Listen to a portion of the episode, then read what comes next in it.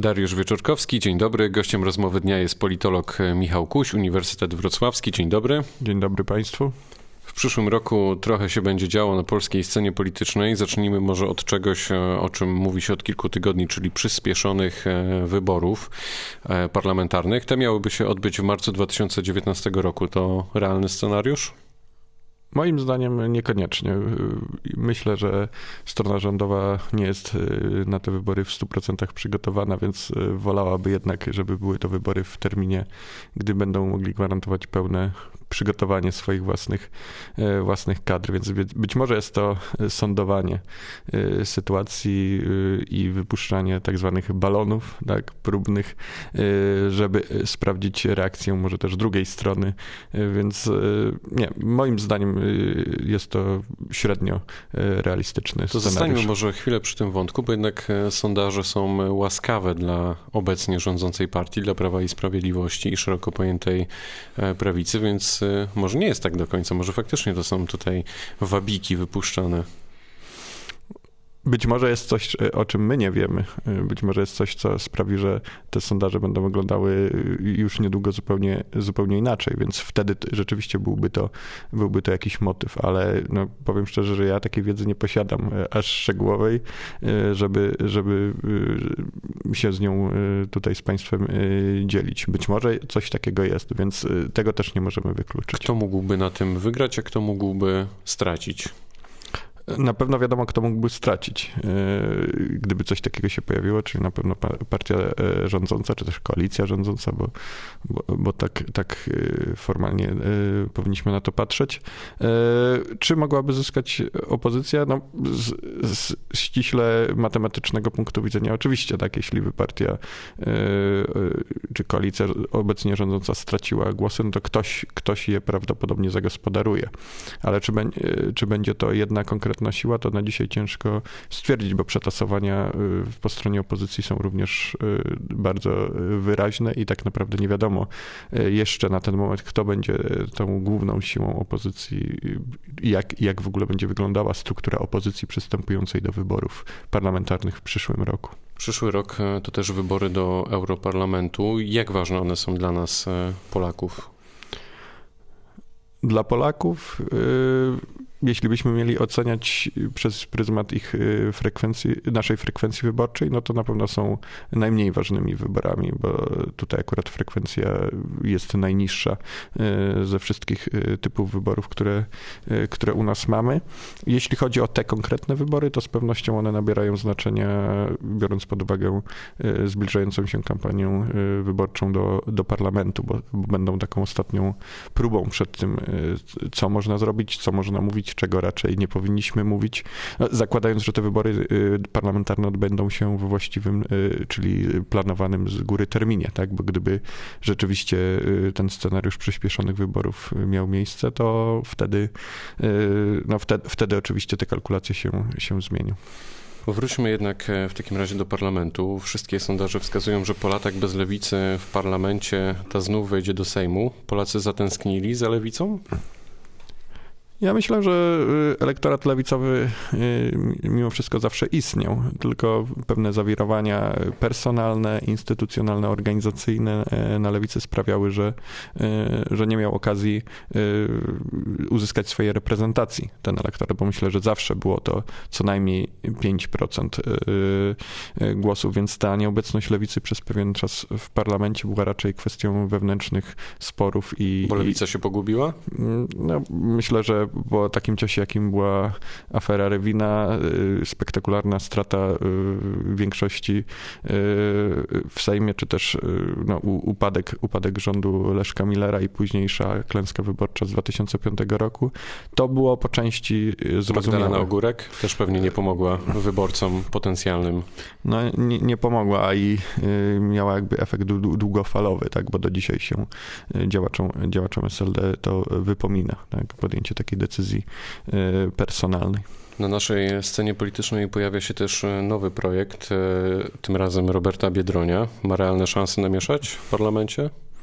No myślę, że sama rozpoznawalność Roberta Biedronia ma tutaj spore znaczenie, bo widzimy, jak głosują, jak głosują wyborcy nasi i potrzebują mieć twarzy, yy, potrzebują twarzy, na którą będą mogli zagłosować. Oczywiście Biedroń, Biedroń tutaj ma jako kandydat swoje ograniczenia, bo jest, jest sporo osób, które tworzą jego elektorat negatywny z różnych względów, prawdopodobnie przede wszystkim światopoglądowych i związanych no, ze znaczącą różnicą w widzeniu świata i społeczeństwa, ale oczywiście no, jest, też, jest też tutaj część elektoratu lewicowego, która te y, mm, różnego rodzaju y, kwestie, które, które Biedroń podnosi, uważa za ważne. Tak? I być może nie jest to y, liczba e, wyborców gwarantująca duży sukces, ale z pewnością obecność w parlamencie myślę, że to nie jest, e, to nie jest nieprawdopodobny scenariusz. Czy to będzie długofalowy projekt, czy będzie na przykład tak jak e, chociażby z ruchem Palikota, który zniknął po jednej kadencji i w zasadzie nic z tego nie, nie wyniknęło? Mhm.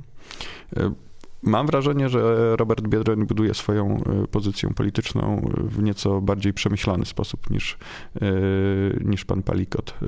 Tutaj krok po kroku, zaczynając od szczebla lokalnego, pokazuje y, się jako polityk, który umie, umie również działać z dnia na dzień, y, y, odnajduje się w tej polityce takiej codziennej, nie tylko od święta, czyli, czyli, czyli od wyborów, więc myślę, że jest to właściwa strategia i mam wrażenie, że może to być projekt y, na, na dłużej.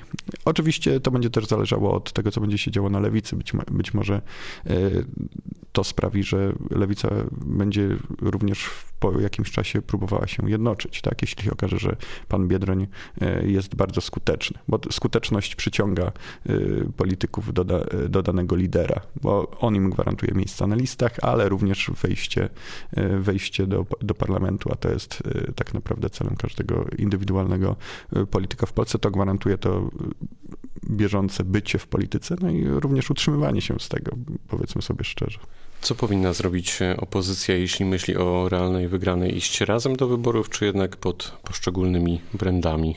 Hmm. Moim zdaniem scenariusz, w którym wszyscy idą e, pod jednym e, szyldem, szyldem tak, e, sztandarem, raczej jest nie do zrealizowania. Tutaj różnice poglądów, ale również personalne. Nawet w przypadku koalicji obywatelskiej, o której już od tylu miesięcy słyszymy? No tutaj sprawa też się skomplikowała po e, ostatnich wydarzeniach i przejściu części posłów nowoczesnej do, e, do Platformy, ale myślę, że w, jak, w jakiejś formule ta koalicja obywatelska jest do, do utrzymania, ale na pewno, nie na pewno nie w szerszej niż do tej, e, niż do tej pory. Myślę, że przeciwko PiS wystąpi około dwóch, trzech bloków, y, bo jednak y, tutaj w tym zblokowaniu niektórzy będą widzieli jedyną szansę na to, żeby być jakkolwiek obecnymi w parlamencie. Gdy śledzisz e, nastroje Polaków i analizujesz to, co się dzieje w naszym kraju, to masz pewność co do tego, kto teraz wygra wybory? Nie mam takiej pewności, bo y, z jednej strony wydaje się, że y, obóz rządzący ma y, pewną grupę osób stale popierającą i w zasadzie nawet pojawiające się pewne wątpliwości, różnego rodzaju mniejsze czy większe afery, tak, bo tak w skrócie to, to nazwijmy, wydają się nie mieć żadnego wpływu na intencję głosowania tych osób, które jakby bardziej koncentrują się na pewnej generalnej realnej wizji y, prezentowanej przez partię rządzącą, czy też być może y, cenią sobie pewne y, socjalne zdobycze, nazwijmy to, rządów, rządów obecnych, więc to jest ten jakby stały, stały elektorat, aczkolwiek te wydarzenia, różnego rodzaju zawirowania na scenie politycznej mogą wpłynąć na część tego bardziej miękkiego, powiedziałbym, elektoratu partii, partii rządzącej. I tutaj, jeśli by się coś naprawdę dużego działo, to nie wykluczam, że, że pewna część z nich może może, może zmienić y, swoje, swoje opinie. Nowoczesna przetrwa do wyborów? Wydaje się, że ten pierwszy y, kryzysowy moment został y, przetrwany przez, przez w jakiś sposób nowoczesna, nowoczesnej udało się go, go przetrwać i myślę, że w jakiejś formie tak.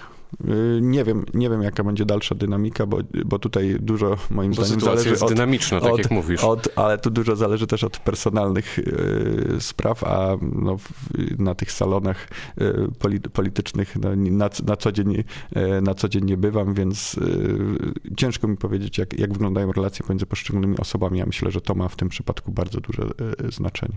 We Wrocławiu mamy też e, bardzo ciekawą koalicję w Radzie Miejskiej, e, dla wielu bardzo egzotyczną. Czy to jest jakiś nowy kierunek, który nam pokazuje też pewne nastroje polityczne i to, jak to będzie wyglądało w przyszłym roku?